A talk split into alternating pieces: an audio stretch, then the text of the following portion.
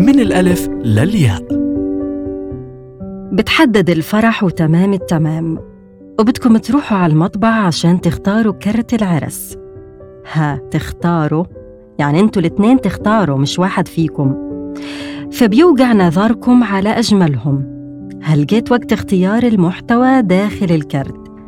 تمام مش هنختلف كتير على الشعر اللي رح تحطوه. طالما الكلام جميل ومنمق. وبهاي الحالة يمكن صاحب المطبع يختار لكم إياه وتوافقوا عليه. وبتطلبوا منه يختار دعوة مرتبة. تطلبوا فيها من المعازيم يدعوا لكم بالخير.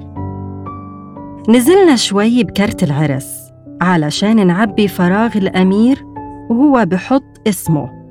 بنيجي على خانة الأميرة فبقاطعها وبقول لصاحب المطبعة حط حرف بدون اسمها.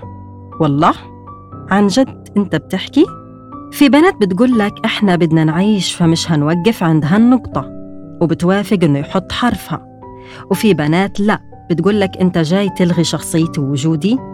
وإذا من هالجيت بتعمل هيك كيف لما نتزوج؟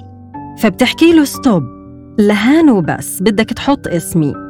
وهاي النقطة اللي بتفكروها بسيطة ممكن تمهد لمشاكل كتير.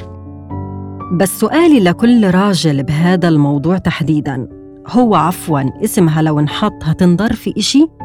لا طب هيقلل من قيمتك إشي؟ برضو لا طب ليش ما بدك تحط اسمها؟